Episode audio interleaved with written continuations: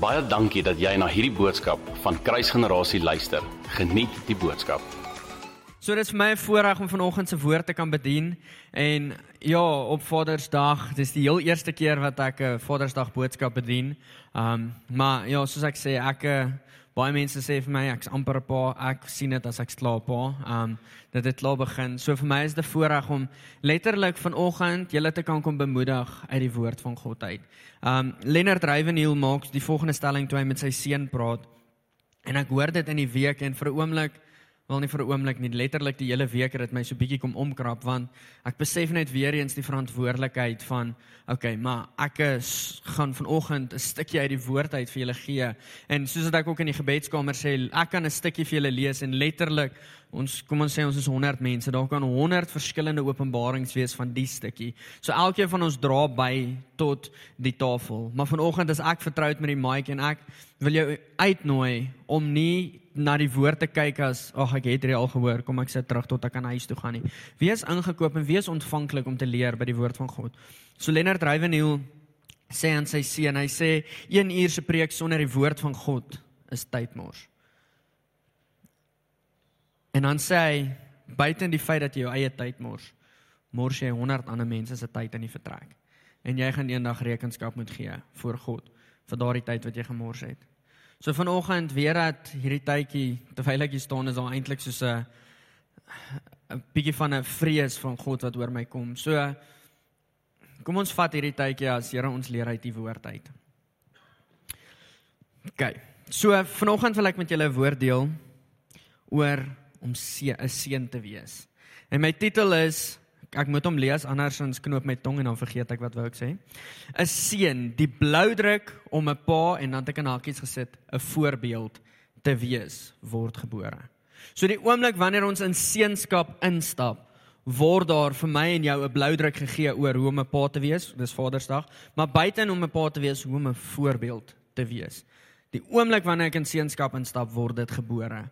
En kom, ek wil amper sê, kom die res natuurlik wanneer ons weet hoe om sy seun te wees. So vanoggend se woord is totaal en al daarop gerig rondom seunskap. Um en die Here is besig met iets want net soos wat Mariska met Moedersdag julle op 'n journey gevat het, het ek gevoel ek moet julle ook vanoggend op 'n journey vat. So ek gaan vanoggend fokus op die journey van Josef. En ja, soos ek gesê het, almal van ons het dit al in die ag wil ek sê laerskool geleer. Seker laerskool ook, maar in die kinderkerk geleer, die storie van Josef en wat met hom gebeur het. Maar ek wil uitnooi, maak jou hart oop vanoggend. Onthou jy toe ons klein was, het ons altyd gestry oor wie se pa is die beste.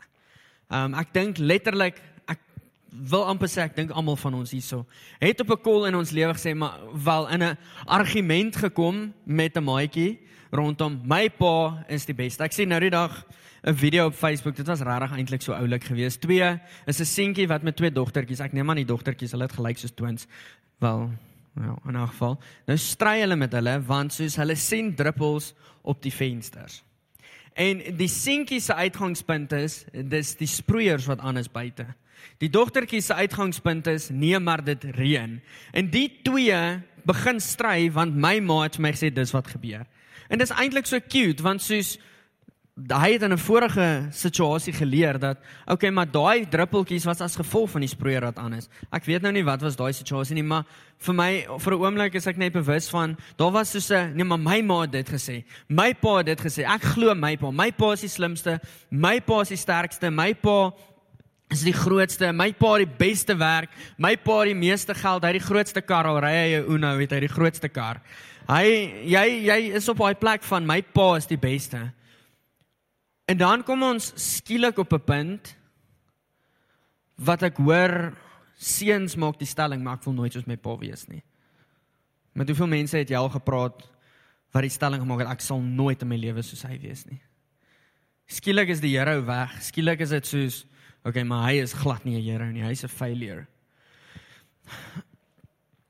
En ek weet ons kom van verskillende agtergronde af. Party van ons ouers het regtig dalk 'n rede om ek wil nie soos hy wees nie. Maar terwyl ek so 'n bietjie mediteer op dit, hierdie is eintlik hierdie Here al soos 'n maand terug met my gedeel. Terwyl ek bietjie mediteer op dit, kom dit by my op dat wanneer ek as 'n kind is, mediteer ek op die karakter van God. Want ek sien my pa raak en ek sê, "Wow, my pa is so amazing." Daar's niemand wat soos hy is nie.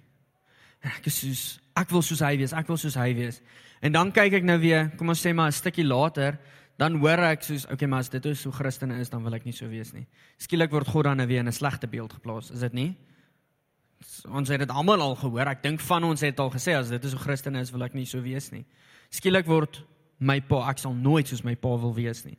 En ek besef net soos hoe belangrik die kennis wat ek opbou is Die kennis wat ek van God opbou is wanneer ek 'n kind is. Wanneer ek 'n kind is, is dit nodig dat ek kennis moet opbou. Is dit nodig dat ek tyd moet spandeer in die woord van God? Is dit nodig dat ek tyd moet spandeer met my pa?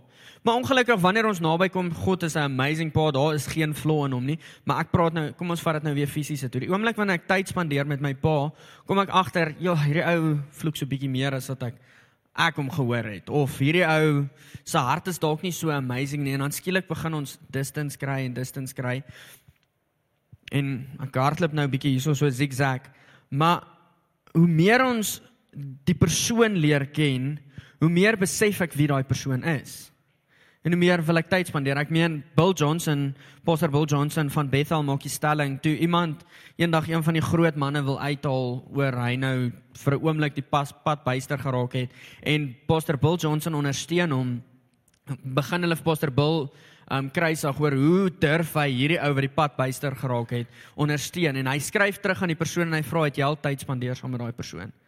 Ken jy daai persoon werklik of is dit nou maar net oor die video's? wat jy gekyk het. Is dit die video's wat jy nou met jou konklusie maak? En in elk geval, kom ek kom terug na die woord toe. Soveel keer wanneer ons as kind van God is, bou ons nie kennis op nie. Ons is vir so 2 weke on fire, vir 2 weke lank bestudeer ons hierdie woord en dan daarna raak ons besig en dan as jy jou weer kry as jy 2 jaar 'n kind van God, maar jy weet nie eens wie hy is nie. Skielik is jy op 'n plek van ja, maar God het my verlaat. Skielik voel dit of hy 'n onaktiewe God is. Skielik voel dit of hy 'n afwesige pa is, soos wat my pa afwesig was dalk. En ek wil ons uitnooi tot op 'n plek toe van maak seker dat die kennis wat jy nou opbou, jou sal kan dra in die in die tye wat jy voel jy's in 'n gat. OK, maar dis nie my preek nie. Ek uh, wil jou uitnooi na die feit toe dat hy is ons hy's 'n goeie pa, hy's die beste vader. So, kom ek begin met vanoggend se woord. Ek wil julle op 'n journey vat deur die lewe van Josef en ek wil jou uitnooi asseblief probeer notas maak.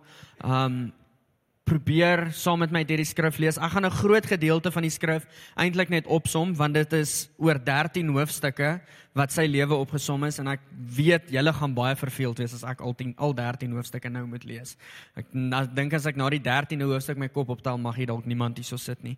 Maar hier's 9 punte wat ek geïdentifiseer het wat ek ek weet baie mense hou nie van 'n stap 1, stap 2, stap 3 nie. Hierdie is darm nie 'n stap 1, stap 2, stap 3 nie. Hierdie is 9 attributes, nege eienskappe wat ek so wat die Here net vir my kom highlight het terwyl ek net so deur sy lewe lees. So ek wil julle vat deur 'n journey. Vir ons om 'n voorbeeld te kan wees, is dit nodig dat ons 'n seun moet wees. Onthou julle ek het dit met die titel gesê. So weer eens wil ek 'n konklusie maak. Skryf dit in jou notaboek neer. Wees 'n seun sodat jy 'n goeie voorbeeld kan wees. OK. Ek gaan jou uitnooi. Gaan saam met my na Genesis 37 toe asseblief.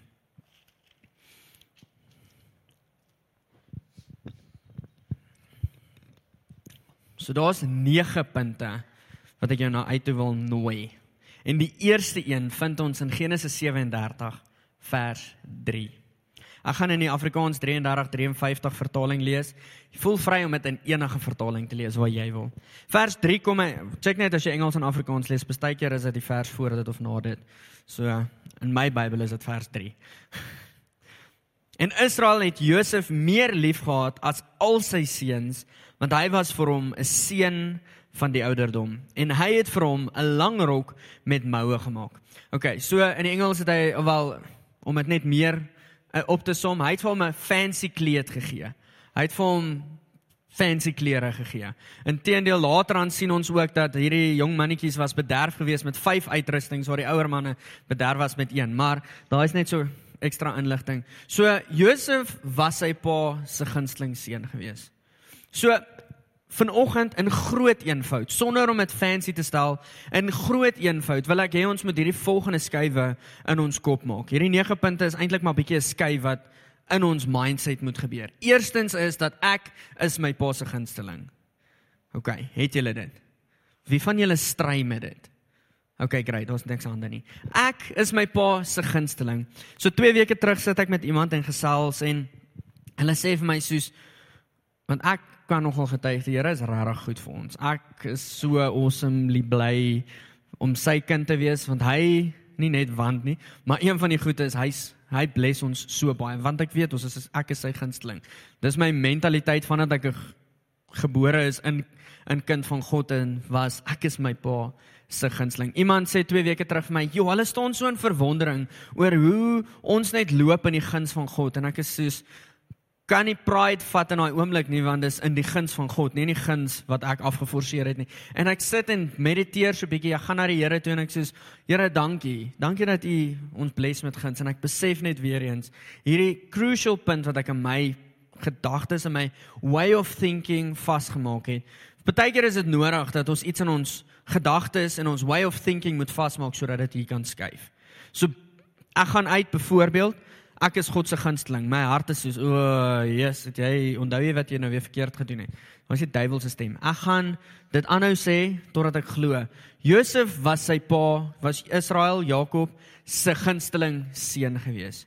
So vir my en jou om 'n seun te wees, kom ons maak dit vas. Ek is sy gunsteling. Dit beteken hy geniet elke oomblik van my en jou. Amen. Weet jy dat hy elke oomblik van jou geniet? Ooh, daar's dit stil. Weet jy dat hy elke oomblik van jou geniet? Hmm, hierdie gaan dalk bietjie 'n paar mense offend. Maar ek ek is regtig nie daarop uit om mense te offend vandag nie. Daar's net so drie stellings wat dalk bietjie teenstrydig mag wees met jou way of thinking. Maar toe ek klein was het my my ma het dit seker nie so baie gesê nie, maar my ouma en oupa en die familie het dit altyd gesê. Kinders word gesien en nie gehoor nie. Hy sê dit nie van jou nie. Hy sê nie vir jou gaan speel daar buite laat ek deur die venster vir jou kyk nie. Ek wil jou nie hoor nie, ek wil jou net sien. Hy is soos, okay, ek saam met jou. Presies soos hierso, ek besef my kommunikasie het dalk heeltemal te kort geskiet, maar ek het net so besef toe ek hulle 'n hak gee, soos dis hoe die Vader in sy tuin met ons wil speel. Hy wil nie ons met daai kant van die glas wees, geniet daai kant nie. Hy geniet elke oomblik van jou. Het julle dit? Ek is sy favorite. Ek is sy gunsteling seun. Kyk na die persoon langs jou en sê vir hom, ek is tog sy gunsteling. Jy mag maar 'n bietjie attitude daarby sit. Klink vir my of jy nog insecure is rondom dit. Ek is tog sy gunsteling. Jy is ook sy gunsteling, maar ek is meer. Ek is sy oogappel. Jy sien terwyl ons so deurgaan, kyk na vers 4. Toe sy broers sien dat hulle vader hom meer liefhet as wat hy al sy broers liefhet, het hulle hom gehaat en kon hulle nie vriendelik met hom praat nie. Ja, wanneer ons nou hierdie storie lees, klink dit eintlik onregverdig. Ek is ook soos Jesus pa, hoekom spandeer Wag, ek dink ek het. Baie wie van julle voel die jongstes word die meeste bederf? Wie's die oudstes? Waar is die ouer mensies? Nou, sê. Wie van julle voel die jongstes word die meeste bederf? Ek stem nie saam nie. ek is ook die jongste nou. Maar ja, ek dink dit is eintlik bietjie so. Ek het hierso skryf Ongelukkig wanneer jy loop met die wete dat jy God se gunsteling is, gaan ander jou haat en jou verafskie. Julle het al hierdie gehoor, maar gaan dit net gou weer opsom. So toe ons getroud is, net voordat ons getrou het, het die Here ons ons het weer deur so season gaan. Daar's baie kere wat ons net soos letterlik ons weet nie waar om te vat nie, want so baie bless die Here ons is en is sy guns net voor ons, sy guns gaan letterlik voor ons uit. So net voordat ons getrou het, toe het ons regtig sy guns oral gesien. Hy was so goed geweest vir ons. En ek onthou praat ons met iemand en hulle reageer deur toe ons hulle vertel van, "Wow, kyk wat het God gedoen. Kyk wat hoe bless hy ons." En hulle reageer deur vir ons te sê, "O, maar julle is 'n charity case." En daarsoos ek soos, hmm, "Nee, ek is nie 'n charity case nie." Um en ek besef net weer toe ek hierdie voorberei, o, dis wat daar gebeur het. Die oomblik wanneer ek weet, maar ek is sy gunsteling. Kan net vir jouself sê? Ons gaan dit, jy gaan dit 'n paar keer hoor. Ek sit jou hand op jou. Ek is sy gunsteling. Ja. Amen. Die oomblik wanneer ek loop in dit, gaan ander jou haat en jou verafskie, soms die wat jy sien as broers. Onthou jy wat Jesus gesê het in die woord in die evangelies? wees rustig, wees kalm. Hulle het my eerste gehad. Onthou dat hulle het my eerste gehad. So dis die eerste punt. Ek is Jesus se gunsteling. Ek gaan gaan na die volgende vers toe, vers 5 toe. En dan gaan ek sommer dadelik vers 9 ook lees. Ook het Josef 'n droom gehad wat hy aan sy broers vertel het. Daaroor het hulle hom nog meer gehaat. Vers 9: Daarna het hy nog 'n ander droom gehad en dit aan sy broers vertel en gesê: "Kyk, ek het nog 'n droom gehad. Die son en die maan en selfs die sterre het hulle voor my neergebuig." So kyk, ek verstaan nogal wanneer ek hierdie storie lees. Die ouer broers kon soos hierdie mannetjie krap nou regtig nie. Hy krap nou te veel, skus. En want hy die Here het hom 'n droom kom gee dat sy family gaan voor hom buig. En hy hardloop na sy broers toe en hy sê, "Haha, julle gaan voor my buig." En hulle is baie kwaad vir hom. Ek som dit nou baie vinnig op. Kry weer 'n droom en hierdie keer is sy pa en sy ma ook by. En hy vertel weer vir hulle, "Kyk wat het die Here vir my gewys. Julle almal gaan voor my buig." En sy pa was ook dadelik was 'n pa soos, "Jesus mannetjie, weet jy waarvan jy praat?" Maar as gevolg van dit wat die Here oor hom kom spreek het. Ek meen, ons almal het eers 'n roep ontvang Ek hoop dat jy 'n roep ontvang het en dat jy weet wat die Here jou voorgeroep het en waartoe hy jou stuur. Almal is nie geroep vir hierdie kansel nie.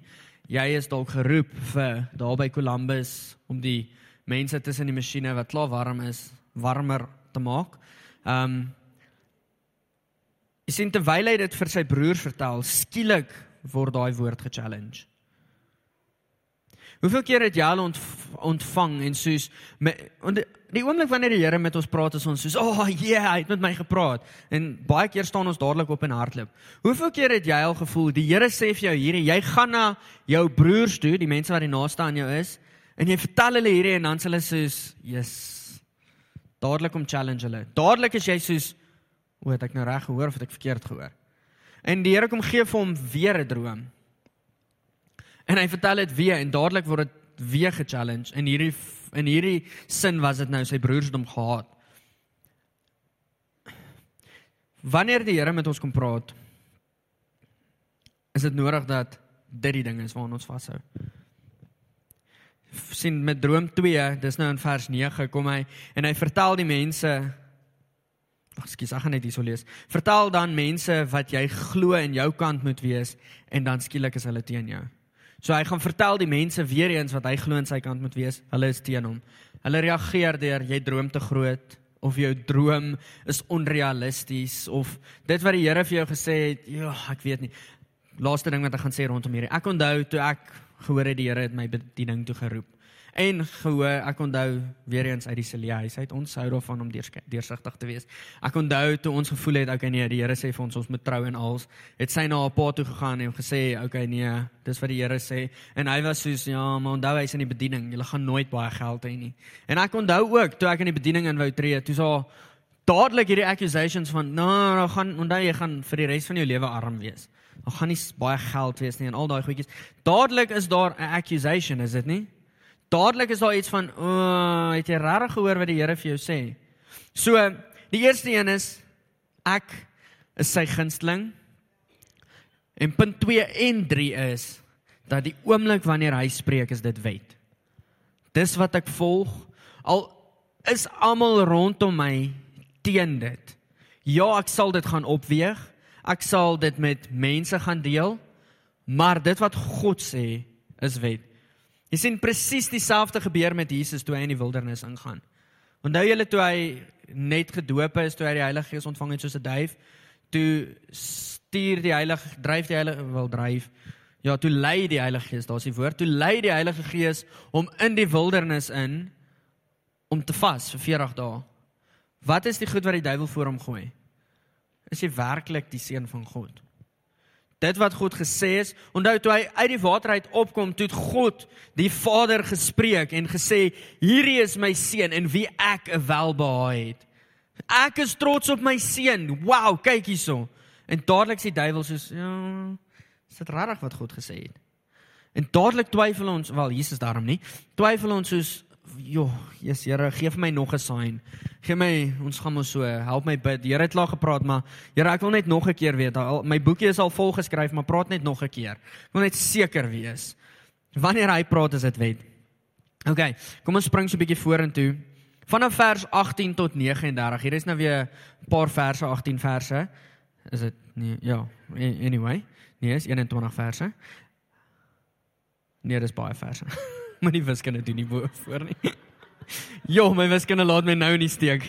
In 'n geval van vers 18 af sien ons dat Josef word gestuur soos koning Dawid ook gestuur was. Word hy gestuur soos hy onthou hy was sy pa se gunsteling gewees. Josef word gestuur om te gaan kyk waar sy broers en ook om vir hulle maar kossies te vat. Hulle is besig om na die skapies te kyk.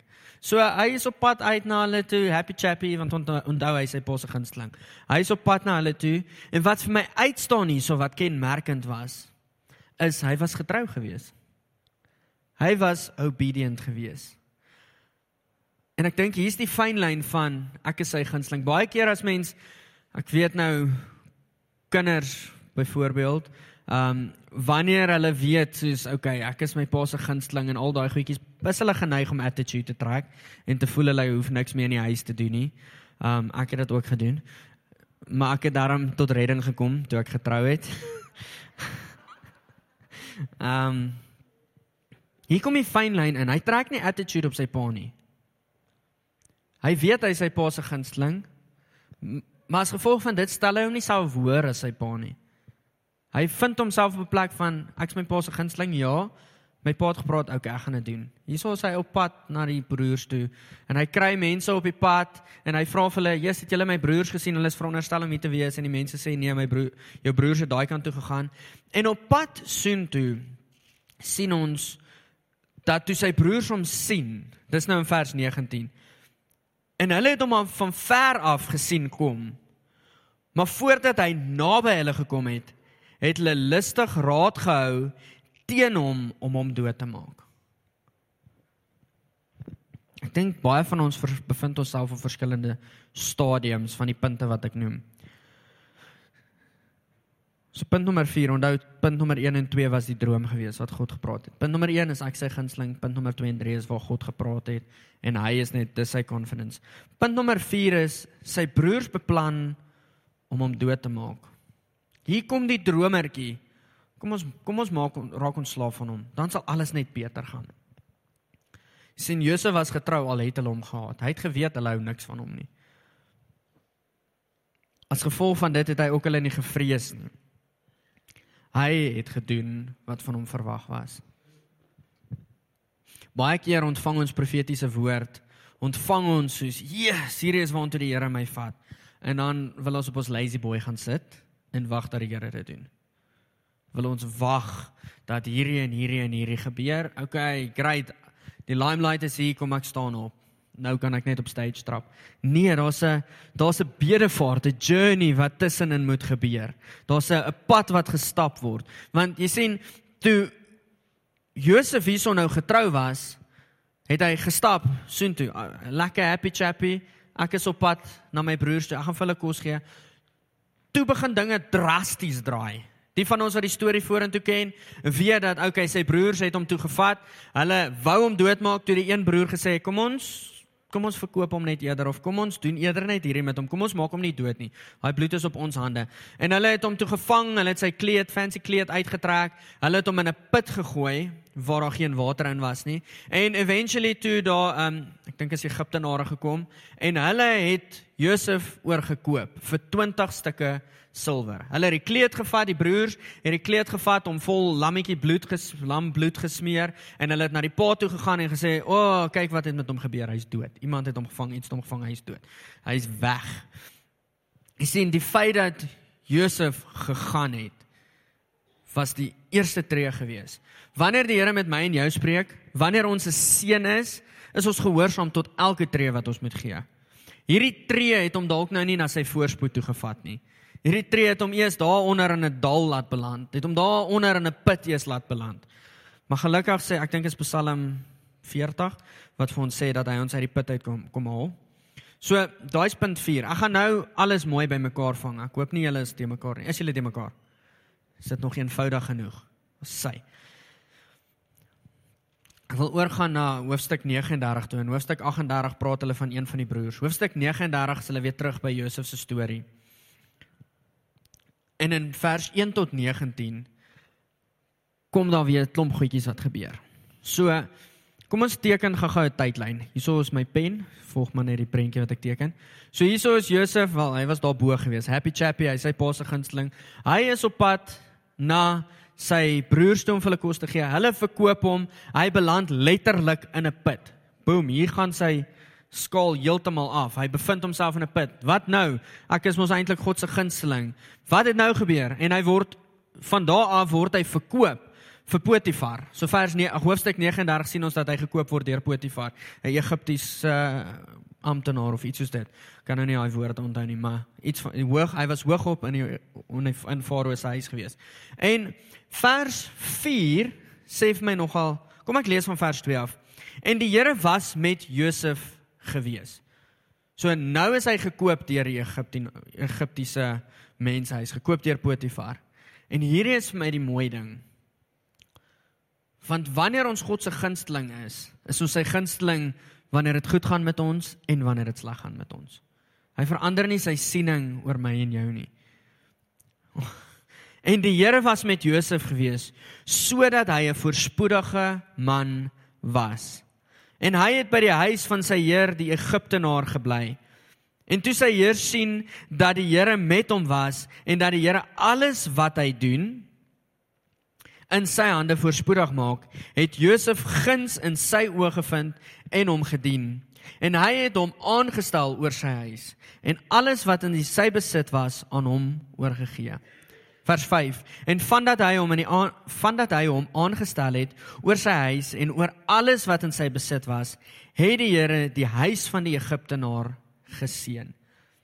Kind van God, ek wil jou vandag vra, daar waar jy is, al is dit die huis van die Egiptenaar, Is dit geseënd waar jy loop? Is alles waarna jy raak geseënd? As dit nie is nie, het ons nog werk om te doen. Dit beteken nie ons moet gered word daai uit nie. Dit beteken ons het werk om te doen op daai oomblik. Ek gaan lees bietjie op oor wat beteken die term soos Egipte eintlik, soos wat simboliseer dit? En dit simboliseer twee goed. Dit simboliseer Israel se plek van beproewing. En tweedens, dis die plek waar God in contest in in in kompetisie gesit word met ander gode. Bevind jy jouself in daai plek? Ek en jy is dalk bietjie meer in Egipte as wat ons dink. Maar dis waar hy moes wees. Op die ou einde van die storie, net om terug te verwys soontoe, was dit goed geweest vir hom dat hy in die plek van Egipte was. Want onthou die droogte het gekom. Jy onthou daai deel 7 jaar van droog, ag 7 jaar van voorspoed en toe 7 jaar van droogte. In daai droogte tyd was hy aangestel oor baie gewees. Dis waar hy moes wees. Hierdie was die beginpunt. Ofwel, laat ek dit so stel. Die uit die huis uit gaan om broodjies te vat vir sy broers was die beginpunt gewees van okay. Dis waar vir die Here vir my spreek. Die Here het vir hom gesê, jy gaan hierdie regop gerigte figuur wees en jou familie gaan voor jou buig. Okay, Nou moet ek my familie dien met broodjies. Hier gaan ek. Ek is mos nou die een wat regop gaan staan. Hulle gaan voor my buig. Hulle het nie voor hom gebuig toe hulle hom gesien het nie. Hulle gooi hom in 'n put. Hy gaan uit. Hy bevind homself in Potifar se huis. Hy's nie negatief daaroor nie. Sy gemoed is nie swaar nie. Hy gaan in in Potifar se huis in. Hy besef wel hier is nou ek het inkleer. Hy besef dat okay, hier is nou nie my pa se huis nie, maar die guns van God is op my. My mindset is soos, "Ag, oh, ek is sy ek is sy gunsteling." Psalm 20 vers 6 sê dat die Here sien sy gesalfde raak en hy sal hom 'n antwoord gee uit sy heilige hemel. Sommiges vertrou op perde en strydwaans, maar ek sal op die woord van die Here vertrou. Dis wat hy daarso skryf. Hierdie was vir baie jare en dit is nog steeds my meditasie. Ek ek word geantwoord uit die heilige hemel uit want ek is sy gesalfde. Jy sien sy reaksiepunte soos OK. Ek is nou verkoop in slawerny en ek is nog steeds 'n dienskneg. Maar ek gaan ek gaan doen. En dan wil ek jou hierso vra, wel, Potifar stel vir Josef hoog gaan as gevolg van God se guns op Josef. Dan wil jy vra, wie het gemaak dat dit goed gaan met Josef? God het gemaak dat dit goed gaan. As gevolg van God se guns wat op Josef was, het dit goed gegaan. So ek wil jou uitnooi Daar waar jy gaan, is dit geseën rondom jou. Dis nie jy wat dit moet seën nie. Maar my vraag is, is die guns van God op jou as mens sodat dit geseënd is waar jy gaan. Sodat daar waar ons gaan dat daar vrug is, dat daar waar ons gaan iets geopenbaar word van wie jy is. Of is dit maar net so stil soos wat dit altyd was? Ek wil jou uitnooi dat daar waar jy gaan, wees 'n wees 'n lig. Um lees ek lees vanoggend ook weer toe ek tyd spandeer by die Here rondom daai wat Jesus sê maar maar die lig hy vra hulle eintlik word 'n lig onder 'n 'n bakkie toegemaak sodat niemand dit kan sien nie. Nee, 'n lig word op 'n pilaar gesit sodat almal dit kan sien. Ek en jy is die lig. Ons is 'n openbaring want ons is veronderstel om 'n openbaring te wees van wie hy is. Ons is 'n openbaring van wie hy is want ek en jy is gemaak in sy beeld. So daar's 'n stuk van my en jou wat hom openbaar. Daar waar jy gaan, laaste keer dat ek hierdie gaan vra, openbaar jy sy glorie skyn jy sy lig. Al is dit in die gat, al is dit wanneer jy soos 'n slaaf moet werk in die mees goddelooste ou se lewe.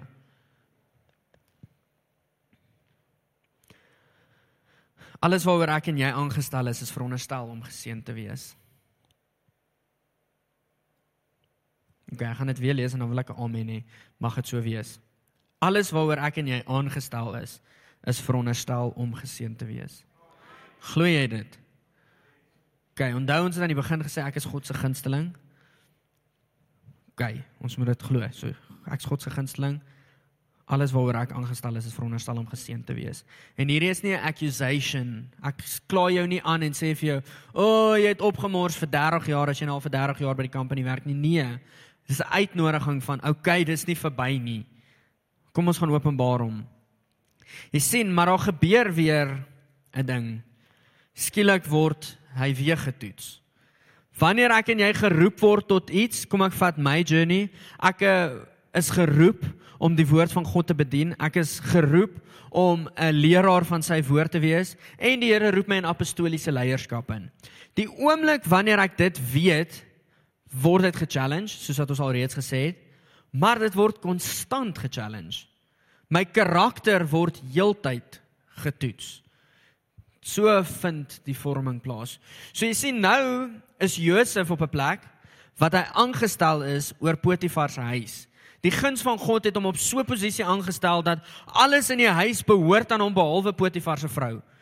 Soos dis al wat net aan hom behoort nie. Maar hey, hierdie vroutjie het ander ander ander probleme gehad. Sy het streke gehad. Jy sien Potifar se vrou trek streke op Josef en probeer die man bykom, het ek hierso geskryf.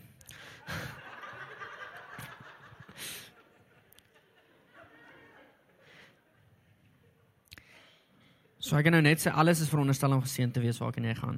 Hierso het ek geskryf, maar ook alles waaroor ek en jy aangestel is, gaan ge-challenge word.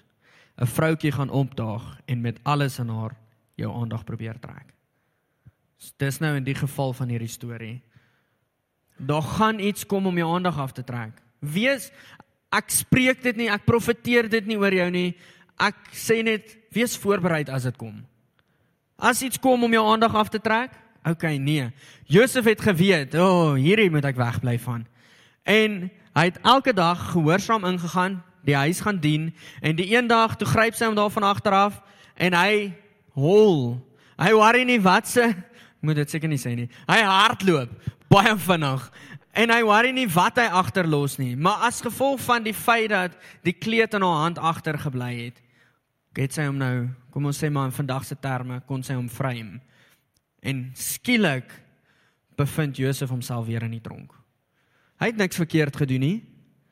So ek wil vanoggend vir jou sê dat wanneer jy jouself in die gat bevind, kom ons sien die tronk as 'n gat, beteken dit nie God is nie goed nie. Hy bly goed. Hy's nog steeds goed. Jou roeping staan nog steeds vas. Hy het jou nie verlaat nie, hy het jou nie weggegooi nie.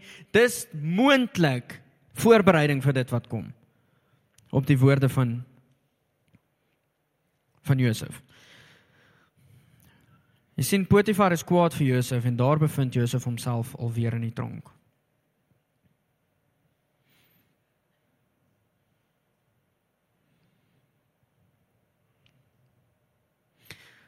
gaan na die 6ste punt toe gaan. So 5de punt was Vierde punt is al wil jy jou, jou broers jou doodmaak, soos bly gefokus op God se woord. Vierde punt is al bevind jy jouself in die gat. Of vyfde punt. Jesus, julle skus. Daai was die vierde punt. Vyfde punt is al bevind jy jouself in die gat, soos hou aan um hou hou aan om om sy guns raak te sien. Hou aan om te sien waartoe hy jou roep. En dan die sesde punt is God was met hom.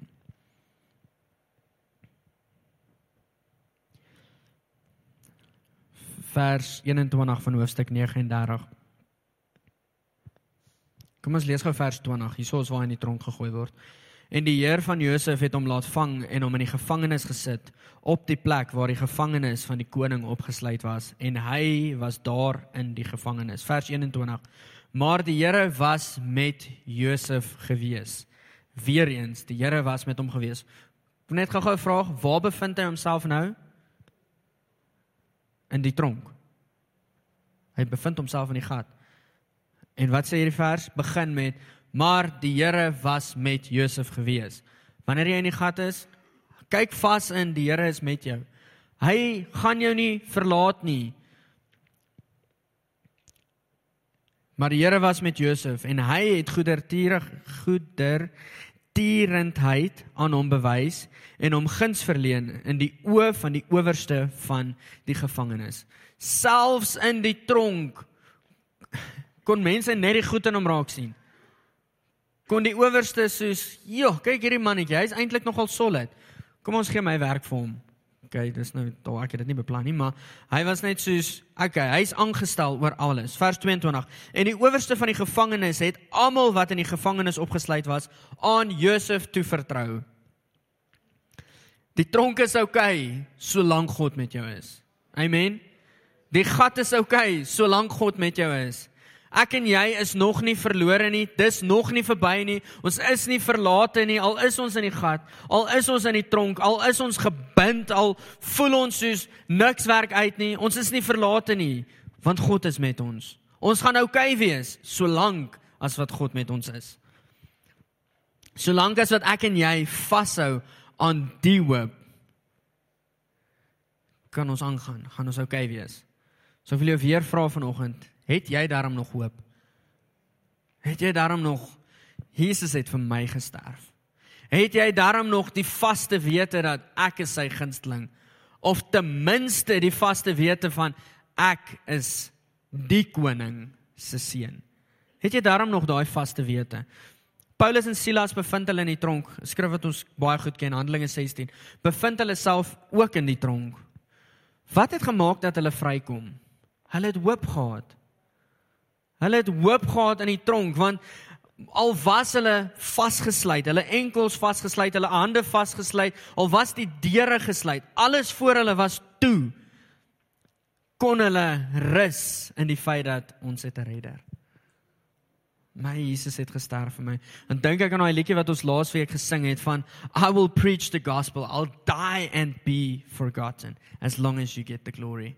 Hy sing, ag Here, Ons kan rus hierso.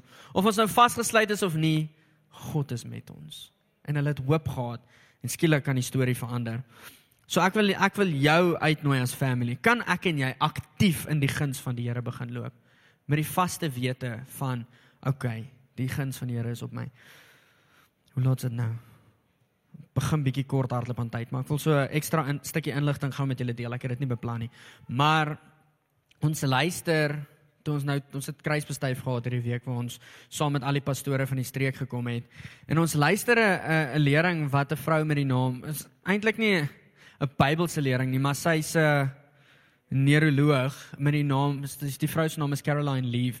En hulle praat so oor die die krag van mense mind op 'n mens se liggaam en al daai goedjies. En eventually kom hulle op 'n punt wat die ou vir vra So ek gaan nou op wat sy gesê het. Vir my maak dit sin. Um gaan wat die ou vir haar vra, so sê nou Wag nee, kom ek wag wag wag. Kom ek gaan hierdie kant toe. So sy noem van die krag wat ek en jy het, ons mind op ons liggame.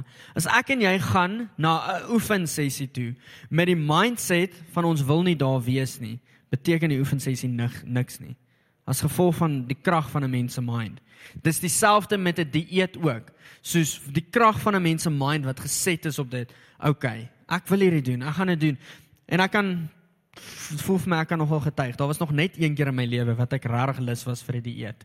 Dink nie daar's iemand wat 'n die dieet wil celebrate nie.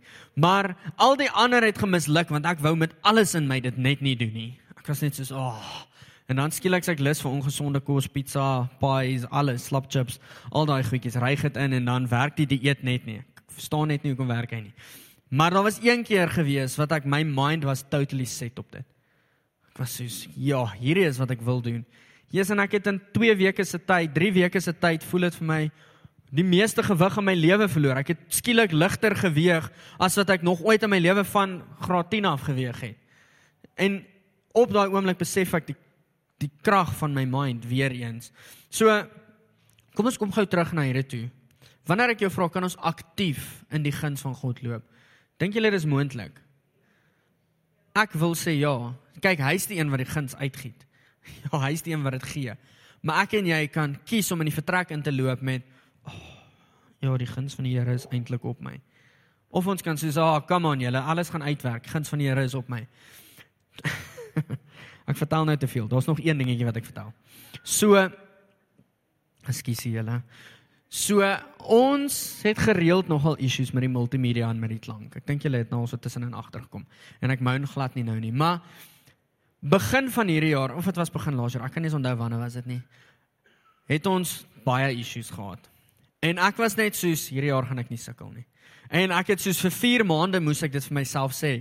Want die oomblik wanneer iemand na my toe kom en vir my sê daar's 'n issue op die Mac, dan sê ek net soos ag okay, ek sal nou kom want ek gaan nie ek hou nie van sukkel nie. Dan gaan sit ek daar en werk dit perfek uit. Dan sê ek soos ag, oh, prys die Here. Want ek het net ek was net soos ek gaan nie sukkel nie. Want ek het ingestap met 'n gemoed van okay, die eerste struikelblok gaan nie maak dat ek val nie. Die eerste struikelblok gaan nie maak dat ek my vrug verloor nie want my mindset is anders. Ek en jy het nodig om in die vertrek in te stap met die mindset en met die liggaamstaal wat praat van ek het ten minste hoop. Amen. OK, julle, julle kyk my nou baie snaaks aan. Ek het net nog 2 punte. Wanneer ek voordat ek na my 2 punte, 3 punte toe gaan, 2 punte, wat ook al. Wanneer ons moet verloor, gaan die gat wat vir ons voor lê ons onderkry. Met ander woorde, wanneer ons ingaan met die mindset van ek het klaar verloor, gaan die gat wat voor my is my verwoes.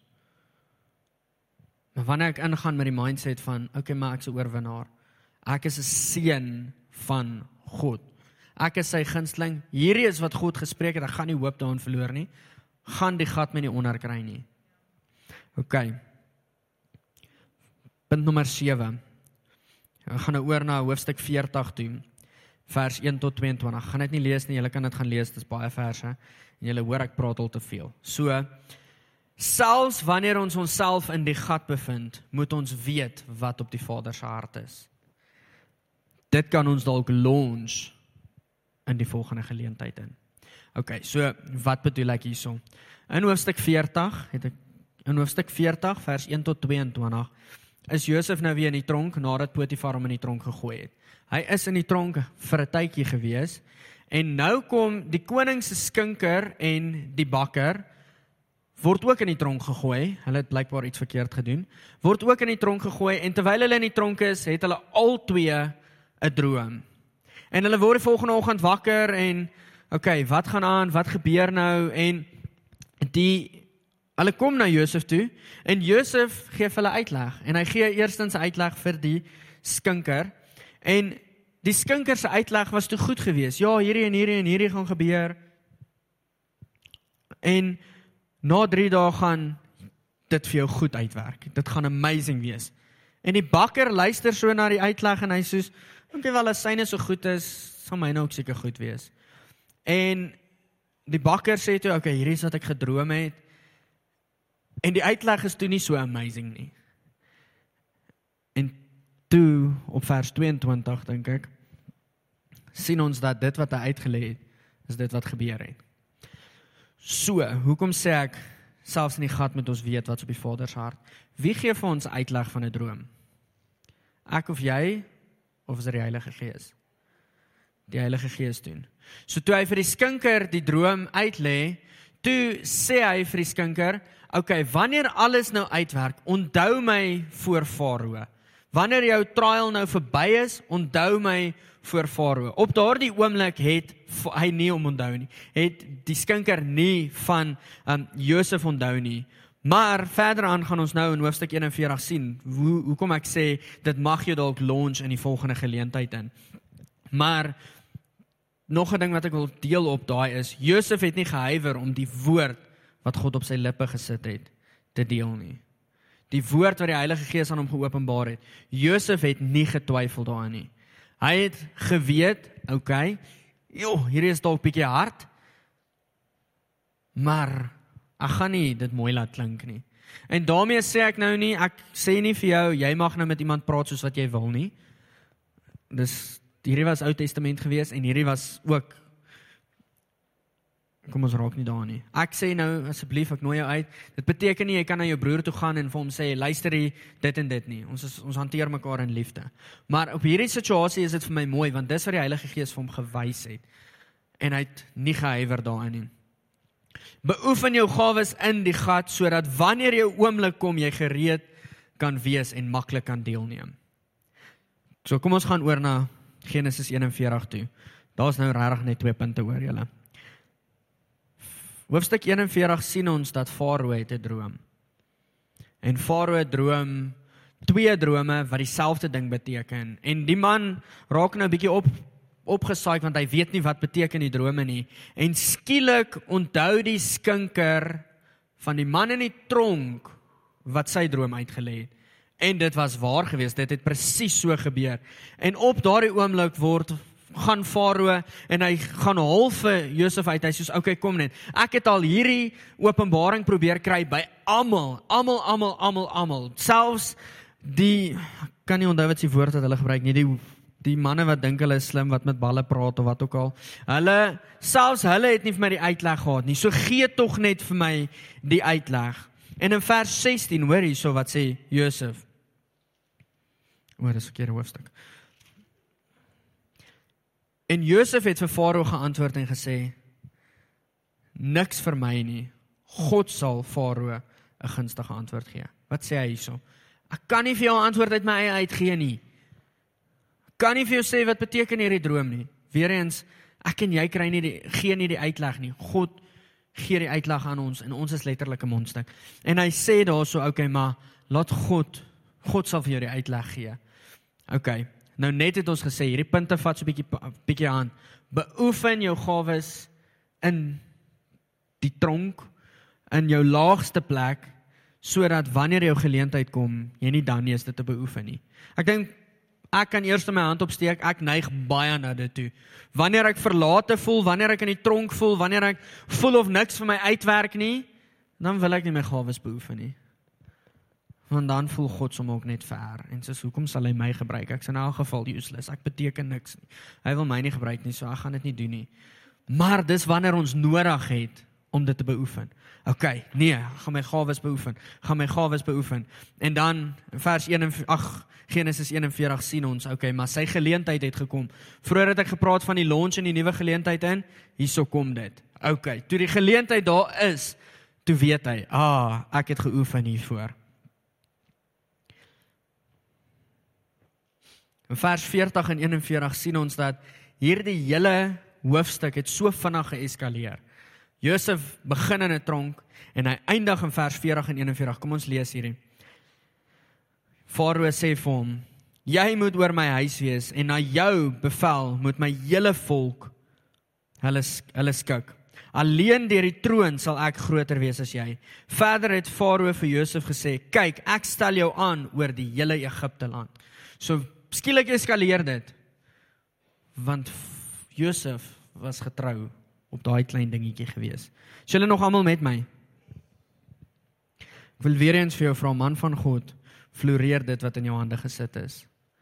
Want skielik sien ons verder aan in vers 42 tot 48 sien ons dat alles het skielik gefloreer. Josef was aangestel Boom, oor die hele Egipte land, alles floreer. Inteendeel, hy het opgehou boekhou oor hoeveel koring daar is, want toe Onthou die droom het gesê daar gaan sewe goeie jare wees, sewe slegte jare en Josef is toe aangestel om hierdie te balanseer. Hy moet seker maak dat die kos uithou vir die sewe slegte jare dat hulle deurkom, die hele Egipte land deurkom.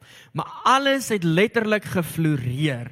Al die grond behalwe die priester se grond het eventually aan Farao behoort want Josef het dit laat floreer. Daar waar hy was, het hy dit laat floreer. En dan wil ek eintlik kyk om grootendeels af te sluit. Hoofstuk 42 tot 45. Selfs wel tot 50 sien ons die res van Josef en sy familie wat herenig in hulle lewe vorentoe.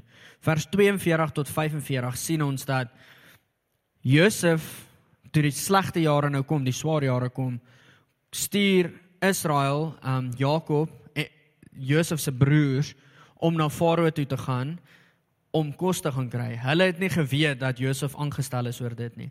En skielik sien ons die hele prentjie wat aan die begin geprofeteer was in vervulling kom. Die broers buig letterlik neer want al wat hulle soek is kos. En skielik werk alles uit. So, wat ek jou hier wil vra is, hoe lyk jou karakter wanneer dinge in plek begin val? Jy sien toe kon hy gereageer het. I told you so. Onthou jy so 30 jaar terug.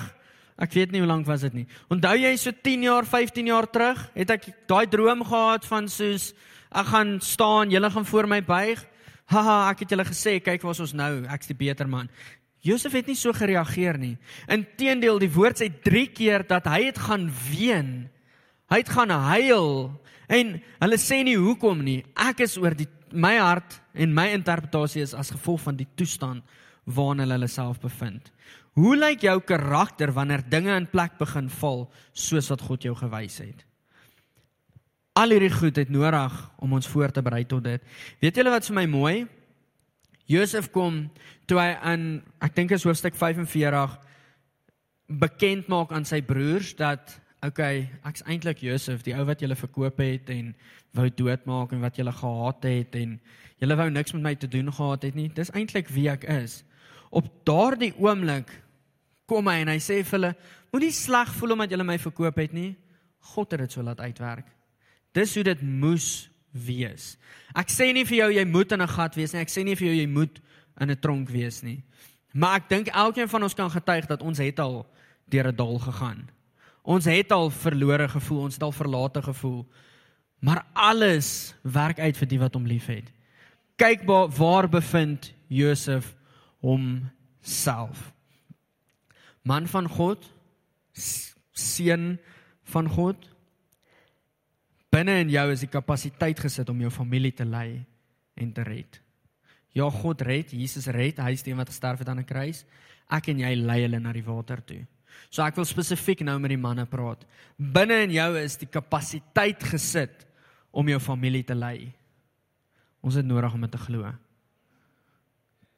Glo julle dit? Twyfel julle so 'n bietjie in dit?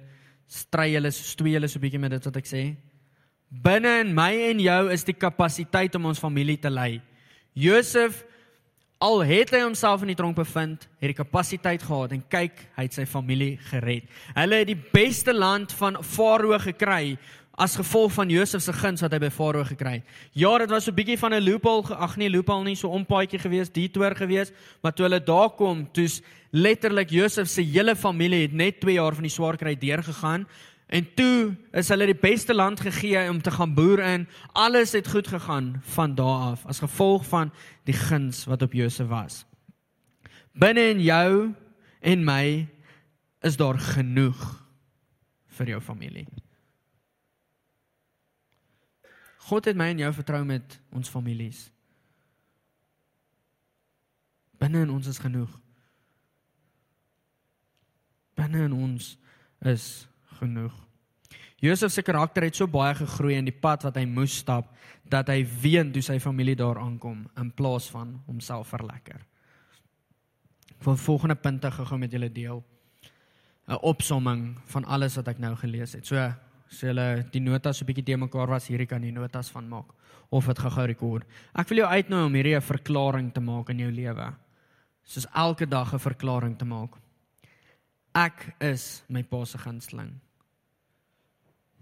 Kan julle dit sê? Ek is my pa se gunsteling.